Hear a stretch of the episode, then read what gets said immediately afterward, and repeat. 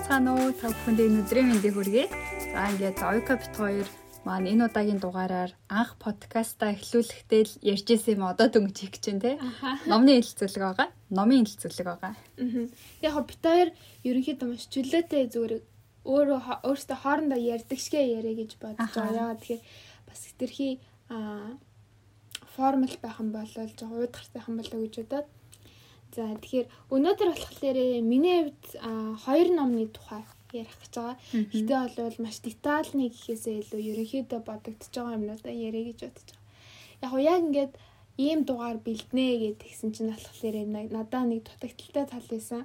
Тэр нь болохоор тэмдэглэл нэг сайн хөтэлдэггүй. Яг уу ингээд Kindle дээр уншдаг болохоор ингээд тухайн үед хайлайт хийгээд ч юм уу тухайн үед ингээд ноут бичээ явдаг. Гэхдээ бол яг дэвтэр гаргаад эхнээс нь бол бичээ явдаггүй нэг дутагдaltaй санагдсан. Тэгээ энэ дугаарыг бэлж байхдаа аа баг зэрэг хэцүү байсан. Яа тэгэхээр уншсан номнуудаас ямар ч тэмдэглэгээ хийгээгүй. Тэгээ буцаж номнуудаа харах ч үгүй юм. Тийм байдлаар бэлдсэн байгаа. Би бол яг нэг номын тэмдэглэгээ бас яг дэвтэр гаргаад бол хийдэггүй. А тэгтээ ер нь номоо уншиж дуусгачаад ингээд бодогдож байгаа бодлоо эсвэл ингээд дундуур нь бодгцсон юмудаа ингээд жоохон бичих гэж оролддог. Гэтэ ер нь ингээд утасны ноут мот дээр ч юм уу те. Харин номоо дуусгасныхаа дараа бол нэг word дээр бичих гэж уган жоохон оролддог. Гэтэ ингээд дараа нэг янзалч жоохон чаддгүй. Тэр бас талтай жоохон дутуу. За тэгээд миний хувьд болохоор сорхогтон эхний ном нь байгаа. Хоёр дахь ном нь болохоор дижитал минимализм гэдэг ном ба. За сорхогтныг бол би маш удаан уншсан. Яагаад гэхээр Үнэхээр ном унших одоо дадлыг өөртөө хөвшүүлэхийг хүсдэг ч гэсэн зарим тохиолдолд хичээлийнхэн хажуугаар бас а уншихад хэцүү байдаг. Тэгээд энэ энэ савхагтныг бол би нэлээд удаан уншсан санагдаж байна. Сараас бол хавгүй илүү удаан хугацаанд уншсан. Уул нь бол яг хуу тэмч зузаан ном биш юм шиг байгаа. Тэгэхдээ яг энэ Kindle дээр уншихаар зузаан энэ сайн мэдэрч чаддгүй. Тийм талаагаад байдаг. За тэгээд хоёр дахь ном дижитал минимализм бол саяхан уншсан ном байгаа. Тэгээд ерөнхийдөө 5-аас бол би 3-ыг өгнө л гэж бодож байгаа. 5-аад нь. Би бас чиний гүдрээсийг харсан.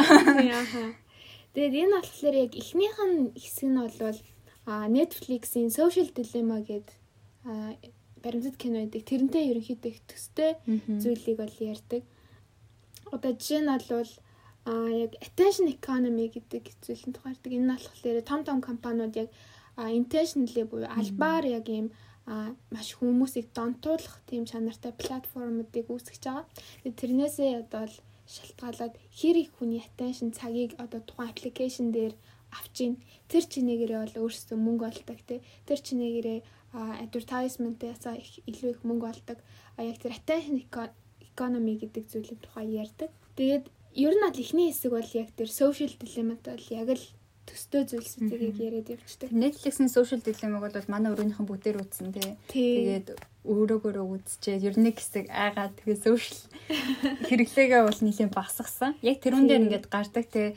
Ер нь бол одоо Facebook, Instagram гэдэг юмнууд яаж одоо бидний анхаарлаар ер нь баг тоглож जैन. Тэгээ тэрүүн дээр ингээд суурлаад одоо team ad явуул TikTok гэдэг тэрийг яг ингээд нөө цаана хүн биш ч гэсэн хүн байгаа юм шиг ингээд дүрслээд анимашн арай анимашн бишээс л та ингээд тэгээд одоо хүн байгаагаар төсөөлөд гаргацсан байсан шүү дээ. Тэгэнгүүт ингээд хамаагүй илүү жоохон хүнд туссан юм шиг санагцсан. Тэгээд дээрэс нь яг жинкнээсээ тэр Facebook, Twitter-т ажиллаж исэн хүмүүс ингээд гарч ирээд өөрсдийнхөө бараг л одоо нэг хэсэг нь байсан компанийнхаа талаар тэгэж одоо ер нь бол хэрэглээг багасгах хэрэгтэй гэдэг үднээс ярангуут нэлийн хүнд туссан. Тэрийг бол бүгдээрээ үүсэх хэрэгтэй юу вэ? Докюментари байлаа тийм. Тийм бас яг энэ одоо миний одоо уншсан дижитал минимализмгийн энэ номны зохиолч Carl Newport гэдэг хүн байгаа. Энэ нь болохоор бас яг компьютер сайенсийн бүр профессор хүн байдаг. Georgetown гэдэг universityд профессор идэг. А тэгсэн хэдий ч хизээч өөрөө бол Facebook аккаунттай байж үзээгүй гэж байгаа. Тэгээд а яг ингээд таныг сая social а дилема гэд киноны тухай ярьсан чинь энэ ном дээр бас нэг гардаг зүйл санаанд орсон болохоор Карл Ньюпорт а яг ийм том attention economy-г үүсгэж байгаа энэ хүмүүсийг болохоор яг англиар бол ингэсэн байгаа юм. Tobacco farmers in t-shirts гэд. Ерөнхийдөө бол а яг ийм үнэхээр яг гинэн цайлгаантай үнэхээр ийм маш мундаг ийм технологийн хүмүүс гарч ирэл бүх хүмүүст хэрэгтэй байхаар тийм юм хийж байгаа юм шиг мөртлөө өнгөн дээрээ хийж байгаа юм шиг мөртлөө цаагаар бол ингээд intentionally а яг албаар донтуул тийм донтуулах тийм технологиг үүсгээд тэрийг ингээ хүмүүс зарж ийна гэсэн одоо санааг хийсэн. Тэгээ энэ нь болохоор надад амар тийм таалагдсан зөвөрлөл байсан. Зүгээр ингээ энгийн ингээ хүмүүс шиг мөртлөө яг үндэ тэг баг харт тамхи маягийн тиймэрхүү юм зарж байгаа гэсэн маягаар дүрсэлсэн нь бол надад маш туссан байгаа. Тэгээд энэ дээр бол яг хуу сошиал медиагийн тухай ерөнхий тайлбарласны дараа бол яг дижитал минимализм гэж яг юу юм бэ гэсэн тухай ярьдаг. Гэтэ энэ бол яг шууд л үгнээс нь харахад жоохон ойлгомжтой юм шиг дижитал минимализм, дижитал одоо сошиал медианыхаа хэрэглээг зохицуулах гэдэг юм уу тэр зүйлийн тухай ярьдаг. А тэнгуут болохоор одоо хамгийн ихний хэрэгжүүлэх юм нөх юм уу дижитал declutter гэдэг ярьдаг. Энэ бол 30 30 хоногийн турш яг сошиал медиагаа хэрэглэхгүйгээр тэрнээс зай барина гэсэн. А тэгээ тэрний дараа бол өөртөө тохирсон дүрмийг бий болгох хэрэгтэй юм билий. Одоо жишээ нь миний хувьд болохоор яг 30 30 хоног юм уу одоо яг 30 хоног хийж үзээгүй ч гэсэн 7 хоногийн турш одоо сошиал медиагаа ашиглахгүй ч юм уу.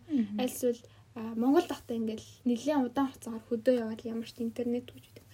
Ийм туршилтуудыг хийж үзсэн мөртлөө яг дараа энэ хугацаанд дуусангууд би болохоор шууд тэрийг хэрэглээд эхэлдэг. Өөртөө ямар нэг дүрм үүсэх залыг өмнөх рүүгээ орчдөг. Тий, аха. Тэнгүүт яг энэ номноос яг олж авсан юм нь болохоор үнэхээр одоо 30 хоног ч гэдэм үү, хэд хоног ч гэдэм тэгээ өөрийгөө тусгаарлаж болно.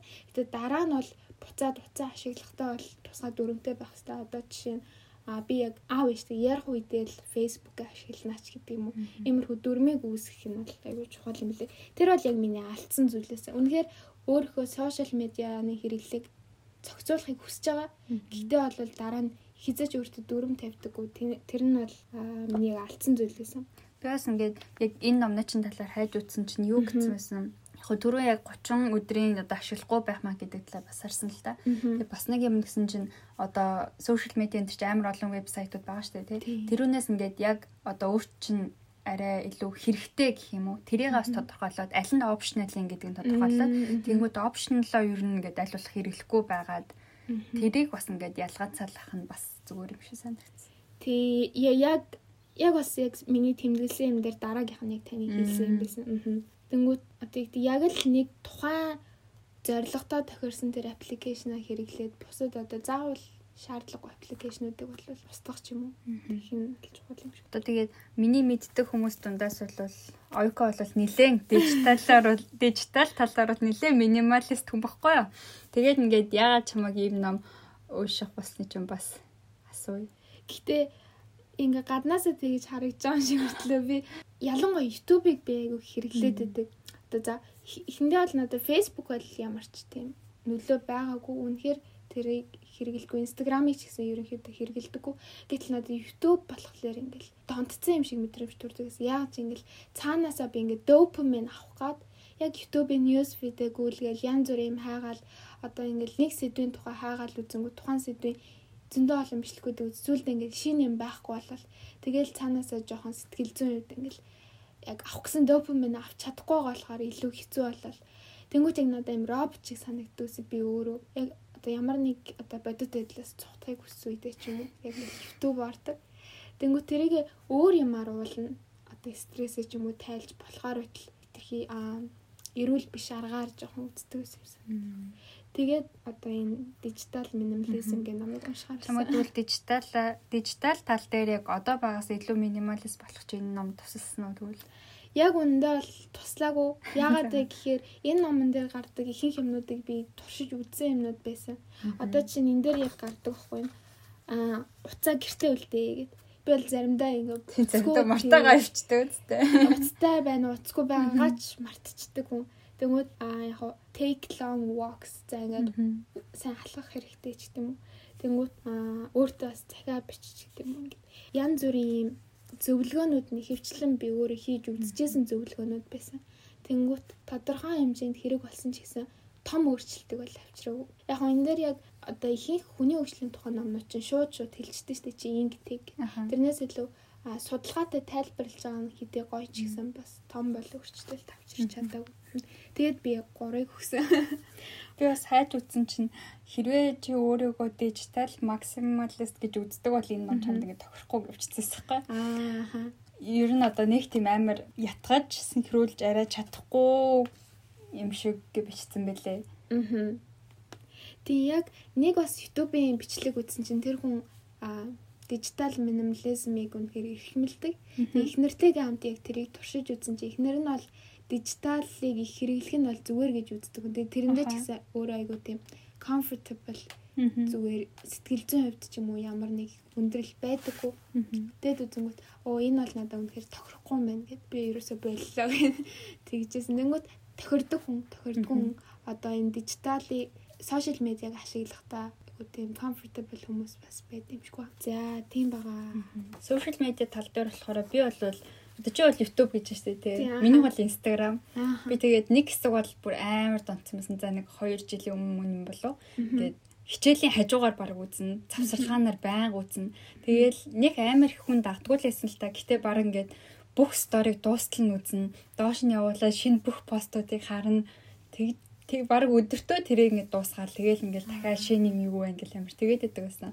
Тэгээд одоо бол арай гайг болсон яаж гайгууснаа бол яг сайн мэдэхгүй л байна л та.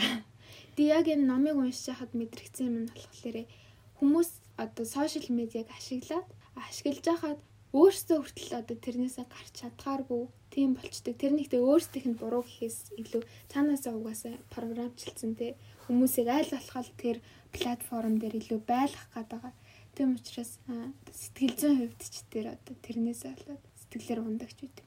Яг миний ажилласнаар бол хүмүүс сошиал медиаг ашиглаад тодорхой хэмжээнд тийм допамин ялгаруулна биенээсээ.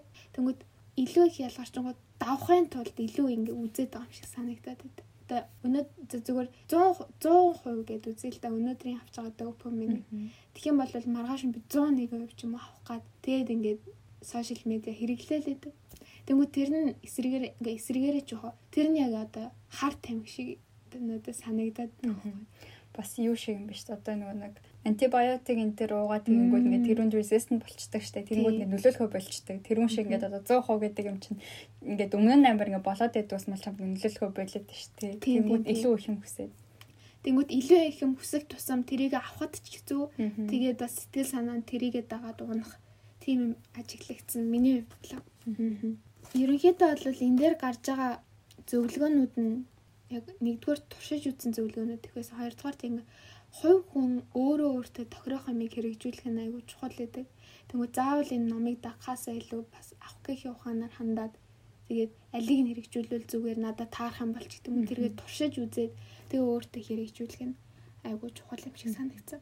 Тэгвэл одоо түрүүний хэлсэн тиймэрхүү аргуудыг хэрэгжүүлж үзээгүй хүний хувьд бол бас уншаад үзэхэд зүгээр юм шиг тийм. Үнэхээр ямар нэг арга хэмжээ авж байгаагүй хүний хувьд бол уншаад үзэхэд зүгээр юм шиг санагдсан. Миний хувьд л яг ном гэхээс илүү өмнө нь бол одоо YouTube-ээс зөндөө хүмүүсийг яаж хэрэглээгээ тохиромжтой байлгах гэж Тэгээд YouTube-ээс яаж YouTube баг үзэх вэ гэж. Аа, ер нь л жоохон ироник аахгүй тий. За, тэгээ ерөнхийдөө бол энэ хүний гол санаа нь хүмүүсийг програмчлаад байна шүү дээ. Энэ сошиал медиагаар дамжуулаад Одоо Facebook-ын бол гол зорилго нь анхандаа бол хүмүүсийг нэгтгэх нэгтгэхээс илүү холбох тэгээ connect хийх тийм байсан. Гэтэл одоо эсрэгээрээ баг ганцаардалд оруулдаг ч юм уу. Тийм одоо зүйлүүд ажиглагдж байна гэсэн талаас нь бичсэн байгаа. Яг яг өөрийн чинь тэгээ сошиал медиа дээр зарцуулж байгаа цаг нь одоо Facebook ч гэдэм үү бусад одоо тэр Twitter, Instagram тэднэрт бол илүү их ингээд мөнгө олж орж байна. Тэгээд Энэ бол яг үндэ өөр чинь хэрэгтэй сервис гэхээсээ илүү нэтэж нэг авахыг хүссэн тийм уралдаан юм аа гэсэн тийм санаа байдаг. Би бол энэ номыг уншааг уншаагүй.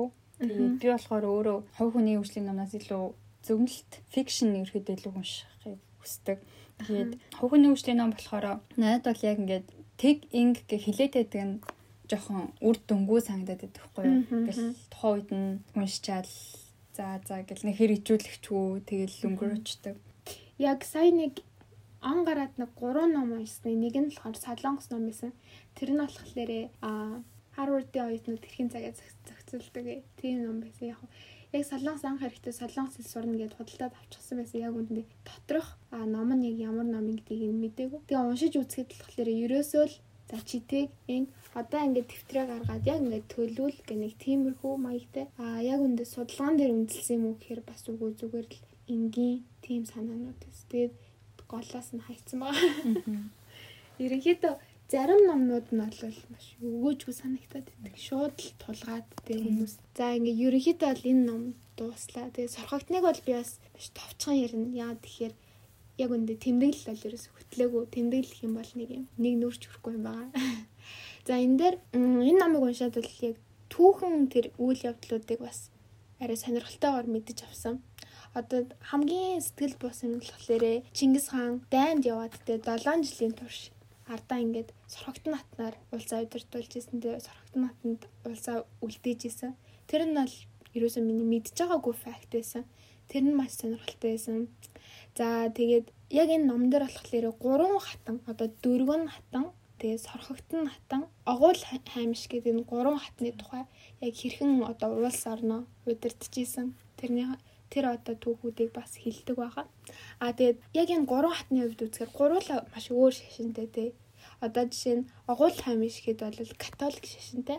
А тэгээд сорогтон хат нь маань бол угаасаа Хэрээд аймгийн Хэрээд аймаг чинь өөрөө христийн шашинтай тийм аймаг байсан. За тэгээд дөрөв хатны хувьд бол яг энэ ном дээр ийм шашинтай гэж гардаггүй.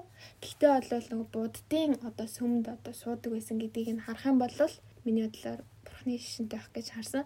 Тэгээд үзэнгүүт их Монгол улсын үед те үнэхээр шашин шүтэг хийс шүтэгтэй аа мөн олон шашныг хүлээн зөвшөөрдөг байсан миний хувьд бол маш чухал тийм зүйлээсэн гэж харж байгаа юм. Одоо ингээд Kite Runner гэдэг номыг уншиж байхад бол тэр яг шашны мөргөлдөөнөөс болоод те нэг шашин нэг шашнаа хүлээн зөвшөөрөхгүй байгаагаас болоод маш хүнлэг бус тийм нийгэм нийгмийн тухай гардаг. А тэнгүүд дээр үеийн одоо их Монгол улсын тухай ялангуяа сорхогтныг уншиж байхад бол үнэхээр шашныг бүгдийг нь хүлээн зөвшөөрдөг. Одоо хар орон гэдэг хотод бол бүх шашин нэг доор оршиж болдог. Тэгээд хаттын доорт ажиллаж байгаа хүмүүс ч байсан. Аа янз бүрийн олон төрлийн шашинтай хүмүүс одоо байгаа нь бол маш бахархууштай санагдсан миний хувьд бол. Тийм. Та бас энэнийг уншиж байсан тийм. Би сорхогтныг гэхдээ нэглээ хэдэн жилийн өмнө уншиж байсан. Яг таалагдсан юм бол яг би бол нэг дэтэлний санахгүй байна. А тэгтээ таалагдсан юм нь бол ер нь ингээд 10 жил түүх үздэг штэ. Тэгтээ ингээд тэг ингээд тэрүүндээ Монголын нас доcumentary-г за 1 2 бол уншижсэн. Гэтэ тэгэл ер нь их сайн санахгүй. Тэг ингээд цээжлэн гэдэг ч бас ингээд жоохон хэцүү. Тэгэл шалгалтныхаа төлөө цээжсэн ч гэсэн дараа нь тэг мартчихдаг шүү дээ. Тэнгүүд миний хувьд иймэрхүү номнууд яг үнэндээ жинкнээсээ ингээд тэр харилцан яриа энэ төр бол мэдээж зохиоцсон л байгаа л да. Тэгтээ ерөнхий ингээд түүх ерөнхий юмнууд нь үнэн болохоор тэр талаараа ингээд илүү сонирхолтой аргаар түүхээ мэдэж авах боломжтой болохоор надад бол амар дэжүү таалагддаг. Тэгээд би энүүнээс гадна тэр Батхааныг ч илүү эхлүүлжсэн санагдаж байна. Тэгээд тэгэнгүүт яг үндэ одоо жишээ нэгээд би тулам гэдэг бол тэ Чингис хааны баг хүмүү гэдэг бол мэдхгүй л байсан байгаа байхгүй юу. Тэгээд энэ сургалтныг уншаад аа тэ бас ингээд одоо Чингис хааны хүүхдүүд чинь тэ ийм ийм нэртэй хүмүүс эдэм байж тэ гэдэг хүртэл бас мэдэж авч байгаа байхгүй юу. Тэнгүүд ингээд цээжлээг үх хэрнээ ингээд сэтгэлд үлдсэн. Ягаад тэгэхээр ингээд энэ одоо тэр бас нэг хөөрхөн драма энтер болж байгаа шүү дээ тий. Тэр мөрөөр нь дамжуулаад ингээд одоо нэг кино үзэхээр нэг тийм гоё сэтгэлд үлдчихдэг шүү дээ тий. Тэр үн шиг ингээд гоё сэтгэлд үлдээд тэг ингээд тэрүүгээрээ дамжуулаад түүхээ мэдэж авч байгаа гингүүд үнэхээр таалагддаг. За тэгээд ер нь бол нөгөө нэг бэрүүдэ гэх юм уу те ингээд амар дэчгөө хүндэлдэг энэ төр гэж гардаг шүү дээ. Ингээд түрүү ярьсан бас ингээд улсаа ингээд захируулж захираа захируулж үлдээгээд те. Яг уу бас худлаач иш магадгүй. Гэхдээ ингээд бас л бодвол нэг ямар нэг юмн дээр суурлал битсэн байлгүй те. Тэнгүүд ингээд одоо солонгос гэх юм бол дээр үеийн түүхүүдээр амар гой гой кино хийсэн байдаг шүү дээ тий. Тэгэл тэрийг үзэнгүүт ингээд яг үндэ бид нар бас солонгос биш болохоор нэх ингээд тэр түүх мөхийг мэдээд шаардлагагүй ч юм шиг. Тэгсээр нэ тэр киног нь үзэнгүүт ингээд амар таалагдаа тий. Ингээд тэнгүүд ингээд аа нэрээ түүхэн нэрээ тэгжсэн юм шүү дээ гэдэг ингээд сураад авдаг шүү дээ. Гадны хүмүүс ч гэсэн. Тэнгүүд ингээд монголчууд ч гэсэн бас ингээд гоё ингээд номнууд гаргаж байгаа тий. Утгагүй бас гоё гоё кинонууд хийдээсэй л гэж бодож байна. Тийм тэгээд энэ дээр бас бас мэдхгүй юмнуудаа яг үнэхээр зөндөө сурж авч ийсэн. За тэгээд тэр дундаа л би яг хамгийн одоо санаж байгаа юм нь болохоор Батмөх Даян хаан. А тэгээд Лигдэн хаан. За тэгээд энэ хоёр хаан энэ хоёр хааныг бол бид тулын өгсөн хүн гэдгийг бол ерөөсөө мэддэггүй байсан. Тэгээ энэ мэдчлэнтэй маш олон тийм түүхэн факт одоо баримтуудыг бол энэ номноос мэдэж авч ирсэн. Яг хөө мэдээж яг сая таны хэлсэн шиг тий одоо харилцан яриач гэдэг юм уу тэр нь бол бүгдээрээ хийдэг үнэн биш ч гэсэн бас нэг уншичаад бол үнэхээр түүхийн тухай бас мэдэж болохоор ном байсан. За тэгээд надад бас нэг онцлмоор байсан юм нь болохоор яг сорхогтон хатны дөрвөн хүү байдаг. Тэгээд тэр дөрвөн хүү болохоор дөрвөн хүүгээ өөр өөр шашинд одоо сургадаг. Аа тэнгүүт хувлын хааныг ерөнхийдөө бурхны шашинтай болгоод бурхны шашинтай болгоно гэсэн тэр шашны тухай судлуулдаг. А тэгээ баг хүүгээ бол одоо тухайн одоо үеийн ямар ямар улс дээ. Ямартайч гэ дөрөв хүүгээ нөгөө нэг дөрөн өөр газар ингээд хаан болохоор одоо хаан болгох суулгасан гэж ярьдаг шүү дээ тий. Тэнгүүд ингээд яг тэр одоо юу гэх ингээд тэр газар хаан болгоод суулгана гингүүд тэр газрынхаа шашинд нь одоо ингээд арай суралцуулаад тэг ингээд тэнгүү тийм шашинтай хүмүүсийг захирахын тулд шашныг нь мэдчихэж одоо ингээд арай илүү үр дүнтэй захирна гэх юм уу арай сайн удирдахч байж чадна. Аа тийм тэгж бодсон юм шиг байгаа тий. Тийм. Яг нөгөө нэг өөрсдийнхөө шашныг тулгахаасаа илүүгээр тухайн хүмүүсийнхаа одоо аж амьдрал, шашин бүх юмыг нь өөрсдөө судлаа. Тэр хүмүүстэй тохируулж одоо тухайн газрыг захирдаг байсан нь надад маш авууштай санагдсан яг Монголын эзэнт гүрний бусад эзэнт гүрнүүдээс бас ялгарх онцлог юм шиг санагдсан. А тэгээд бас тэ бирүүдийн хувьд бас өөр өөр шашинтай хүмүүс байдаг. Тэнгүүт өөр шашинтай хүмүүсийг бас тэ үнэхээр нээлттэй хүлээж авдаг гэдэг нь бол энэ ном дээр маш ил тод харагдчихсэн. За үүнээс гадна л яг үнд ярихаараа бол зөндөө юм байсан. Одоо жишээ нь Титалны ярих юм бол тэ дөргөн хатан яг төрийн эрхийг барьж явахдаа одоо буруу хүмүүсийг тэг хүнийг таниагүйгээсээ болоод маш их гар цохирлыг авчирдаг. Тэгээд эрэнгүүт хүнийг танина гэдгийг бол би өмнө нь ерөөсөө сурдаг зүйл гэж боддгоо байсан байхгүй. А хүнийг тань чаддаг хүн гэж бол байдаг гэж боддог. Гэтэ тэрийг бол сурч болдгоо гэдгийг бол энэ номыг унших хүртэл ухаараагүйсэн. Тэгэхээр бас нэлээд том хичээл болсон гэж би боддог. За за. За тэгвэл ингээд сурхагтны хувьд бол таалагдсан юм байна тий. Аа. Сурхагтны хувьд бол надад би 5-аас 4.5. Оо вау. Надад нэлээд таалагдсан. Одоо яг гол нь зөндөө утсан ч гэсэн нэг уншаад эхэлжүүл дуус дуусгаад амархан байсан. За. За таны хувьд дараа миний хувьд болохоор ер нь дараа дараагийн номын хэлцүүлэг дээр ч юм уу те ер нь ярих номнууд маань баг бүгдээр fiction номнууд байгаа. Би хувь хүний хөгжлийн ном жоох уншиж чаддгүй. Тэгээд хэд хэдэг уншижсэн ч гэсэн ерөөхдөө таалагдаагүй. Тийм болохоор ер нь миний уншдаг номнууд бол баг бүгдээрээ уран зохиолын номнууд байгаа. Тэгээ багасаа угаасаа уран зохиолын ном уншиж ирсэн. Тэгээ тийм болохоор ингээд тэд нэр ингээд мэдгүй ямар ч хувь хүний хөгжлийн номтой харьцуулахад айгүй олон давуу талтай гэж боддог байхгүй юу. Тэгээ өнөөдөр болохоор би бас сүүлийн үед амар алтартай болж байгаа нэг номны талаар ярих гэж байна. Тэр маань болохоор Dune гэдэг ном байгаа. За энэ болохоор ер нь бол sci-fi шинжлэх ухааны уран зөгнөлт ном гэж явдаг. Тэгээ сүүлийн үед одоо яагаад алдартай болоод байгаа вэ гэх тэгэнгүүт шинэ кино хувилбар нь гарах гэж байгаа. Тэр нь өнгөрсөн 12 сард гарах гэж байгаад одоо коронавирус болж хойшлогдоод тэгээд энэ жилийн 10 сард гарахаар болсон байгаа. Тэгээд энд болохоор чи Blade Runner 2049 гэдэг кино үзчихсэн үү? Ер нь үзэж байгааг. Би бас хэцүү байхгүй. Гэхдээ би бас ерөөхдөө кино минод муу болохоор яг найруулагчийг нас сайн мэдэхгүй. А гэхдээ энэ Blade Runner 2049 гээд ер нь нэлээд алтартай амар дэжгүй кино яваад байсан байхгүй. Энэ киноны найруулагч нь тэр найруулагч нь одоо энэ дүүнийг хийх гэж байгаа юм байлээ. Тэгээд энэ найруулагч нь бас бүр 12 тад анх ингээд дүүний зохиолыг уншижсэн. Тэгээд бүр ингээд өөрөө угаасаа фэн тийм хүн юм байлээ. Тэгээд миний хувьд бол анх дүүнийг 17 оны сүүлд анх тэр номыг уншижсэн байхгүй юу. Тэгээд тэр үед болохоор би англи хэлний хичээл аваад тэгээ манай англиний багш маань э, нөгөө нэг MBTI энтергээ тест байдаг шүү дээ. Тийм personality test энэ төр хийж мэгээд тэр хичээл дээр ингээд тэрийг хийлэгдэг хийлгэж үзээд тэгсэн чи би багштай яг адилхан personality-тэй болж таараа тийм ингээд ерөөдөө багштай нэлээд юм ярьдаг байсан байхгүй. Тэгээд тэгсэн чи ягаад чим надад энэ дүүн гэдэг ном чамд амар таалагдах байхаа гэж одоо надад ном өгье Тэгээ би аанза гэж одоо тэгсэн чинь надад 14 шиг ном өгөөд. Тэгээ ингээд би бол ер нь харчаад надад их таалагдахгүй байх гэж бодсохгүй ингээд ер нь бүгдээрээ нэлийн дээр үеийн хэвлэлнэ. Тэгээд ингээд зураг байхгүй. Тэгээ бүгдээр амар жижигэн бичигдсэн. Нэг ном нь амар зузаан 600 700 цтай. Тэгэл би тэр үед л sci-fi гэдэг нь ч баг мдээгүй. Тэг ингээд багш ямартай өгчөөд тэг ингээд гэртээр хайгаа үтсэн чи sci-fi байж таараа. Тэгээ би баг sci-fi ерөөс уншиж байгаагүй хаа. Тэгээ тийм болохоор надад бол таалагдахгүй байх гэж бодсон. Тэгээд хаагаад тэг ямартайж эхлүүлээд тэгсэн чинь ингээд бүр амар амар яваад тэгээд 14 номынхан би одоогор бол яг талын 7-г уншсан байгаа. Тэгээд дундуур нь зөндөө завсарсан. Тэгээд энэ ном маань болохоор анх ингээд Frank Herbert гэдэг зохиолч нь 6 номыг гаргасан. Тэгээд энэ хүн нас орсныхан дараа болохоор өөрийнх нь хүүн Brian Herbert гэдэг хүүн Kevin J Anderson гэдэг өөр зохиолчтой нийлээд нэмэлтээр 8 ном гаргасан. Тэнгүүд 14 байгаа. А тэгтээ энэс гадна бас өөр хүмүүсийн гаргасан одоо нэмэлт жижиг жижиг стори маягийн юмнууд бол зөндөө байт юм байлээ. Тэгээд яг одоо гарах гэж байгаа кино нь болохоор эхний 6 номны хамгийн эхний номны тал нь гарах юм. Хамгийн ихний ном эхний номыг нь хоёр кино болгож хувааж хийх гэж байгаа юм байлээ. Тэгэнгүүт хэрвээ тэр одоо ер нь бол киног үзэхээс өмнө надад бол ингээ гоё номын уншиж гоё санагддаг байхгүй. Тэгэнгүүт эхний номын талын гинхээр ер нь бол 10 сар хүртэл зөндөө хугацаа байгаа. Тэгэхээр бүх хүмүүс бас уншаасаа гэж бодож байна. Тэгээд энэ Dune ном маань болохоор The Lord of the Rings гэж бас амар алтартай кино зураг байдаг шүү дээ. Тэр юунтай харьцуулагддаг.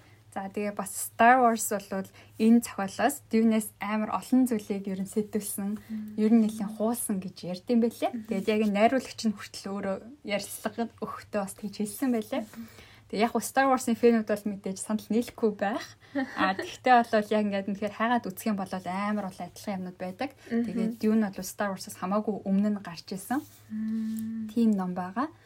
За тэгээд шинжлэх ухааны уран зөгнөлт Гингүүд ер нь яг одоогоос бараг 20 мянган жилийн дараах дэлхийн ертөнц гарч байгаа байхгүй юу. Тэгэд энүүн дээр бол 20 мянган жилийн дараах гингүүд бүхэл одоо бидний одоо одоо би яг боддоор би болгож чадах болов гэж бодож байгаа ер нь баг бүх юм би болцсон. Ингээд технологийн төвшил ингээд баг бүгдээрээ ингээд би болоод бодит болцсон. Тийм ертөнц гардаг байхгүй юу. Тэгэнгүүт энэ дээр болохоор одоо хүн төрлөختөн окторгуугаар ингээд тархацсан. Тэг ингээд амар олон гариг дээр ингээд бүгд ингээд очоод суушаад амьдарч байгаа. Тэгээ тэгэнгүүт баг одоо ингээд дэлхий гэдэг ганцхан гариг дээр амар олон улс байдаг шүү дээ тий. Тэгэнгүүт баг энэ дүүн ертөнцийн болохоор бүгд ингээд нэг гариг дээр баг нэг ингээд одоо захирж байгаа хүмүүс байгаа гэх юм уу. Тэгэнгүүт ингээд тэднэр нь бүгдээр ингээд house болцсон. Одоо чинь ингээд House of Atreides, House of Harkonnen гэх тэнгүүд ингээд яг нэг улс шиг тэгсэн хэрнээ ингээд захирах хэмжээ нь том болоод нэг гаригийг захирдаг гэх юм уу. Тэг ингээд бүгдээрээ мэдээж бас дахиад ингээд нөгөө нэг улс улс төрийн тийм тогтолцоо шиг юмтай. Тэг хамгийн дээр нь болохоор emperor гэж том захирагч нь байгаа. Тэгээд тэрүүндээ бүгдээрээ ингээд хаусуудтай. Тэр хаусууд нь ингээд хоорондоо одоо ингээд баахан бас юм хүн болно. Энэ номн дээр яг хүмүүс л гардаг үү те? Одоо хар гариг хар гаригийг захирдаг гэсэн шүү дээ. А ер нь авторгоор тархсан гэдэг. Аха. А ер нь бол хүн төрлөختөн гардаг. А ер нь бол хүн төрлөختөн гарна. Яг харь гариг гэсэн юмнууд бол гарахгүй. Аа зөө зөө. Гэтэ болохоор энд ингээд гардаг нь тэр телелаксу гэж хүмүүс гардаг байхгүй юу? Гэтэ ингээд би зөвхөн гал номноос л дүрслэлийг харж байгаа шүү дээ. Тэнгүүт яг тэр телелаксу гэдэг хүмүүс бол хүн төрлөختөн арай биш байгаа даахгүй гэдэг арай нэг өөр юм байгаад байгаа. Гэтэ яг одоо номон дээр бол яг ингээд харь гаргийн хүмүүс гэж бол гарахгүй байгаа. Тэрийг бол бас яг кинон дээр яаж дүрсэлдэг нь сонирхолтой юм дээ. Хүмүүс бол уншаад нэг өөрийнхөө төсөөлтөй болцсон байгаа шүү дээ. Тэнгүүд харийг надад яг уран зөвгнөлт ийм ном уншихаар нэг гоё юм яг тэр санагддаг байхгүй юу? би өөрөө өөрөөрөө төсөөлө бодчихно. Тэнгүүд кинон дээр ямар жүжигчин тоглох бол ингээд ямар сценэр яаж гарах бол гэдэг ямар сонирхолтой санагддаг. Тэгээд бас нэг одоо дуртай юм маань бол энэ киноны хувьд дуртай байгаа зүйл манд бол гол дүрд нь Тимоти манд тоглож байгаа. Ахаа. Тэгээд Тимотиг болохоор би бол анхт нөгөө нэг Call Me by Your Name-ийг үзээд амар таалагдсан. Тэгээд тэрний дараагаар болохоор Little Women гэдэг классик зохиол уншаад тэгээд тэрний бас 19 оных нь кинонд нь Тимоти бас гол дүр тоглосон. Тэгээд тэрний өөр гэх юм бол бас The King гэдэг нэг Бас амар гоё кино байгаа. Тэрүүнд бас үнэхээр лаг тоглосон. Тэгээ тийм болохоор одоо энэ Paula Atreides гээд гол дүртэн тоглоход нь үнэхээр хүлээлт бол амар өндөр байгаа. Тэгээд за найруулагчаас гадна болвол дөрүүдийнх нь хувьд бас айгүй өндөр хүлээлттэй байгаа. Тэгээд Zendaya тоглож байгаа. Тэгээд Jason Momoa гэд манай Aquaman бас тоглож байгаа. Тэгээд өөр бас зөндөө олон лаглаг хүмүүс илээ. Би тэгтээ кино сайн мэдэхгүй болохоор яг тэр тал дээр бол үнэхээр хэлж мэдэхгүй байна. Тэгээд сая бас хайсан чинь композер хэрч одоо юуг хийдэг хүн юм бэ? Хөгжмийнх нь юу юм болов? Тийм хөгжмийнх нь зохиолч юм болов? Тийм. Hans Zimmer гэдэг хүн болохоор Tenet гэд кино гарсан шүү дээ. Хэдүүлээ бүүнээр явж үзсэн дээ. Тэрүүн дээр Кристофер Нолантай хамтарч ажиллах боломж олцсон боловч тэр боломжийг болоод тэгээд энэ дивэнд орохоор хамтарч ажиллах болсон юм байлээ. Тэгэнгүүт бас нэлээд мундаг хүн. Тэгэнгүүт бас дахиад нэмэх нэмэх хүлээлт нь дахиад нэмэгдээд байгаа юм л та. Яг энэ номыг юусе би уншиж байгаагүй. Тэгээ танаас бол сонсчихс бас миний дуртай ютубер хамгийн шилдэг sci-fi ном гэж хэлжсэн байхгүй. Тэгээд яг та ингэж яриагаа эхлүүлэл явсан чинь би хэдий фэн биш мөртлөө амар excited болоо. Мм. Үнэхээр хүлээлт бол өндөр байгаа юм тий фэнүүдийн хувьд бол. Тэгээд за яг Dune гэдэг нэр нь болохоор Dune гэдэг чи өөрөө одоо элсэн цүл гэсэн үг шүү дээ тий. Тэгэнгүүт яг энэ ертөнцид Dune ертөнцид одоо бол ингээд алт малт гэдэг чинь алт diamond энэ төр бол амар үнэтэй ертөнцид ордог штэ тий. Тэнгүү дүүний ертөнцид хамгийн үнэтэй нь болохоор melange spice гэдэг юм бодис байгаа байхгүй. Тэр бодис ерөөхдөө одоо ингээд докторгуугаар ингээд амар хурдан аялдаг болцсон. Тэгээ тэрийг хүртэл боломжтой болгосон юм энэ melange spice. Тэгээ дээрэс нь хүний ингээд насжилт хүртэл амар урт болсон хүн ингээд ерөөсөө баг эрүүл мэндээс наа зов шаардлагагүй болсон гардаг байхгүй юу. Тэгээ тэрийг дахиад би боломжтой болгосон зүйл нь дахиад тэр melange spice гэдэг юм. Тэгээ тэр melange spice гэдэг юм хаана гардаг вэ гэсэн чинь энэ dune гэдэг гариг дээрээс одоо ганцхан энэ гаригаас л олборлох боломжтой. Тэгээд энэ гариг нь өөрөө тэр чигээрээ илс. Тэр чигээрээ илсэн зүйлтэй ингээд амар шуурхтай Тэг ингээд ер нь бол хүн амьдрахад тийм таатай орчин бол биш. Гэхдээ ингээд ягаад энэ гариг байгаад байна гингүүд тэр melange spice гэдэг юмыг олборлох шаардлагатай. Тэгээд хэрэв магадгүй энэ энэ киноны трейлерыг үзсэн бол хамгийн сүүлд нь ингээд нэг амар том өт гардаг байхгүй. Тэгээ зарим хүмүүс тэрийг үзчихээ бүр ингээд бүдүүн гиз шиг юм гараад ирлээ мэрлээ гэсэн байхгүй. Тэгмүү тэр нь болохоор одоо ингээд sandworm гэдэг юм. Тэгсэн чинь би бас хүмүүсийн ревю энэ төр уншсан чинь ингээд Монголын одоо элсэн цүлийн одоо тэр нэг мөч тийм сайн дурам шиг юм байд юм аашаа би явал тэрийг сайн мэдэхгүй тэрүүнтэй ингээд амар төстэй энэ төр гэдгцэн байлээ. Тэгмүү тэр sandworm гэдэг амтан dune гэдэг гаригт амьдардаг. Тэгээд тэр амтан тэр melange spice-ыг ялгаруулдаг. Тэгэнгүүт одоо melange spice гэдэг тэр бодис маань амар үнцэнтэй. Тэгэнгүүт тэр хэмжээгээр олборлоход айгүй хэцүү байдаг гэх юм уу? Тэр хэмжээгээр олборлоход амар хэцүү. Тэгээд одоо нөгөө нэг гой сайхан зүйлийг олж авахд айгүй хэцүү байдаг мэдэг гэлтэгдэж шээ. Тэгээ тэрүүн шиг гэх юм уу? Тэгээд тэр гариг дээр одоо дайн бол дайн болж байгаа гэсэн үг үү? Үгүй одоо болохоор ингэж байгаа байхгүй ингээд тэр emperor нь ерөөхдөө ингээд энэ ертөнц ингээд яг энэ хിവэрээ ингээд үйл ажиллагаагаа явуулахын тулд тэр spice melange гэдгийг олборлолт бол ингээд байнга явагдаж байгаа хэвээр. Тэгээд тэгсэн чи яг ингээд за хамгийн ихэнд гардаг болохоор уус спойлер биш ах гэж дод ярьчих. Тэгээд Paul Atreides буюу Timothy-гийн тоглох гэж байгаа тэр гол дүр маань болохоор House of Atreides-ийн удам залгах хүн гэх юм уу. Тэгээд House of Atreides нь болохоор анх бол ингээд амар гоё гариг дээр байдаг гэсэн ингээд амар гоё далайтай цагаагаар амар гоё тийм гариг дээр байж агаад тэгсэн чинь ингээд тэр Emperor-ийн зарлагаар дүүнийг удирдахаар болчтой хгүй тэр гариг руу ингээд нүгчдэг. Тэгэл ерөөхдөө хамаг юм эхэлдэг. Тэгээ тэгэнгүүт одоо тэр дүүн гариг дээр өмнө нь удирдахжсэн тэр House of Harkonnen болохоор тийм сайн борлуулалт сайн олборлолт хийж чадахгүй байсан. Тэгээ тэгэнгүүт ингээд ерөөхдөө эрх мэдлийн солилцож байгаа гэсэн үг гэх юм уу. Тэгэж яг хамаг юм нь ерөөхдөө эхэлдэг байгаа. Тэгээл дүүн дээр очиод ерөнөстэй бүх юм болно да. Тэгээд за бас өөр одоо ингээд гардаг сонирхолтой юм гэх юм бол тэр Bene Gesserit гэж хүмүүс одоо нэг тийм овг гэх юм уу. Яг овг бол биш юм шиг байна. Тэгээ Bene Gesserit гэдэг хүмүүс нь бүгдээрээ эмгхтэй хүмүүс, дан эмгхтэй хүмүүс гэдэг. Тэгээд энэ эмгхтэй хүмүүс ингээд бас за энэ дээр бол дүүн дээр угаасаа бөөд melange spice хэрэгэлдэг. Тэгээ Bene Gesserit хүмүүсийн онцлог нь болохоор гээд их тийм ер нь нэг шашинтай гэх юм уу. Тэгээ ингээд тэд нэр одоо энэ Bene Gesserit-ийн бүх эмэгтэйчүүд амьдралынх нь нэг л зорилготой. За тэр зорилго нь бол бас ингээд энэ киноны гол юмтай жоохон холбогдчих болохоор тэрийг бол хэлэхгүй. Спойлер спойлер болохгүй болохоор нуучи.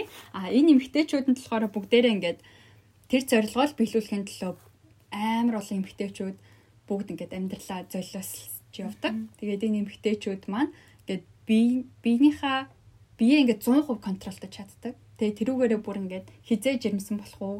Тэгээд ингээд ямар хөвгтэй болох уу? Эрттэй хөвгтэй болох уу? Эмгтэй хөвгтэй болох уу гэд бүгдийг нөөрэ ингээд шийдэж болдог тийм хүмүүс. Тэгээд эднэр болохоор эмгтэй хүнийхээ давуу талыг ашиглаад тэр зорилгоо бэлтгэж гэж явдаг байгаа. За өөр бол тэр түрүүн тэр төлөөлөгс гэж хүмүүс ярьсан шүү дээ тийм. Тэр хүмүүс болохоор одоо нэг тийм биологийн тал руу юм идэг гэх юм уу? Аа юу яадаг? Хиймэл эд эрэхтэн одоо ингээл би болох гол ургуулах гал явж байгаа шүү дээ тийм. Тэр бол энд бүгд бий болсон. Тэгээ ингээд телелаксу гэдэг хүмүүс болохоор тэр хийдэг. Химэл лид хэрэгтэй ингээд лабораторид ургуулад тэгээ тэрийг аваачаад ингээд гариг даяар хүмүүс зардаг. Тэрүүнээс гадна хийдэг юм болохоор голо гэж юм хийдэг. Тэгээ голо нь болохоор нас орсон байгаа хүнийг ингээд би дахиад амьдруулдаг гэх юм уу. Гэхдээ ямар ч ойс намжинд байхгүй яг адилхан хүн. Гэхдээ шив шин хүн. Тийм юм бас гаргаж ирдэг. Тэгээд ментат гэдэг бас юм байдаг нь болохоор ментад нь бүр ингээд одоо тархиа 100% ашиглаж чаддаг хүн. Одоо бид нар чинь тархиа хэдөө хвчлээдээ амар баггүй ашигладаг шүү дээ тийм. Ментад гэдэг хүмүүс л тархиа 100% ашигладаг. Тэгээд тийм ингээд том том удирдахч хүмүүсийн одоо баруун гар нь болж очдог гэх юм уу. Тэгээ ер нь бол нэг тийм яг нэг спойлердахгүйгээр сонирхлын татыг гэвэл нэг иймэрхүү юмнууд ярих юм шиг байна. Тэгээ яг энэ ихний яриаг сонсоод болвол нэлээд олон уншихаар шийдэх юм шиг байна. Би бол дотроос бодж л за ер нь уншвал зүгээр юм байна да. Яг тэгэл эхнийхээ уншаал эхлүүлчих юм бол ер нь эхний 3 4 ном бол яг л дараалалаараа явчихтiin. Тэгээ гол нь киног нь гарахаас өмнө уншихаар хэрэгтэй. Тэгэхгүй бол кино үзчихэд уншихаар жоох сонирхолтой. Надад бол яг тэгдэг яг ингээд киноноос нь өмнө унших хэрэгтэй байгаад. Сүүлд бас тэр Goodreads дээр нөгөө нэг Монгол Монгол уншигчид ч үлээ тийм нэг групп байсан шүү дээ. Тэрүүн дотор ингээд их хэсэг хүмүүс бас нийлээд дүүнийг уншсан байлээ. Уншаад бүгдээрээ хоорондоо яар хэлэлцүүлэг хийгээд. Ер нь одоогийн хамгийн бас hot topic юм шиг тийм ер нь бол айгүй хүлээлт өндөртэй байгаа л та. Тийм байна. Үнэхээр яг хүмүүсийн анхаарлыг татаж чадхаар ном юм шиг байна. Миний бодлоор. Тэгээд э, уран зөгнөлт унших дуртай. За ялангуяа sci-fi унших дуртай хүмүүс бол үнэхээр бүр 100% тий зөвлөж байна. Уншаад үзээрэй гэж хүсэж байна. За за Викторийн номын хэлцүүл юу нэгээд дуусч байна тий. Яг нь өнөөдрийн хувьд бол бас анхны туршилт байла. Тэгээд аа миний хувьд бол бас үнэхээр дутагдaltaй тал олон байсан бах. Ягаад тэгэхээр хизээч ноут бичиж авдаггүй бол за ажиглагдж байгаа. Тэгээ дараа дараагийн удаал битээр илүү хичээнэ. Тэгээс яг үнэндээ номнуудаа бол англи дээр ингээ уншчихдаг болохоор заримдаа өгнүүдээ ихтгэл англи үг ашиглаад тахшгүй байна. Тэгээд дараагийн удаас монгол үг илүү ашиглахыг хичээх болно. За тэгээ бит хоёрын хэлсэн энэ гурван ном та хэдэд таалагдсан болвол комент үлдээгээрэй. Эсвэл та хэд маань бас уншсан болвол сэтгэлээ бас бит хоёртой хуваалцаарай. Тэгээ бид хоёр бас дараа дараачийн удаад аль болох чөлөөтэйгээр үнэхээр яг хоорондоо ярилцж байгаа юм шиг энэ маягаар илүү олон номыг та бүхэдтэй хүргэх болно. За баяр баяртай. Баяртай.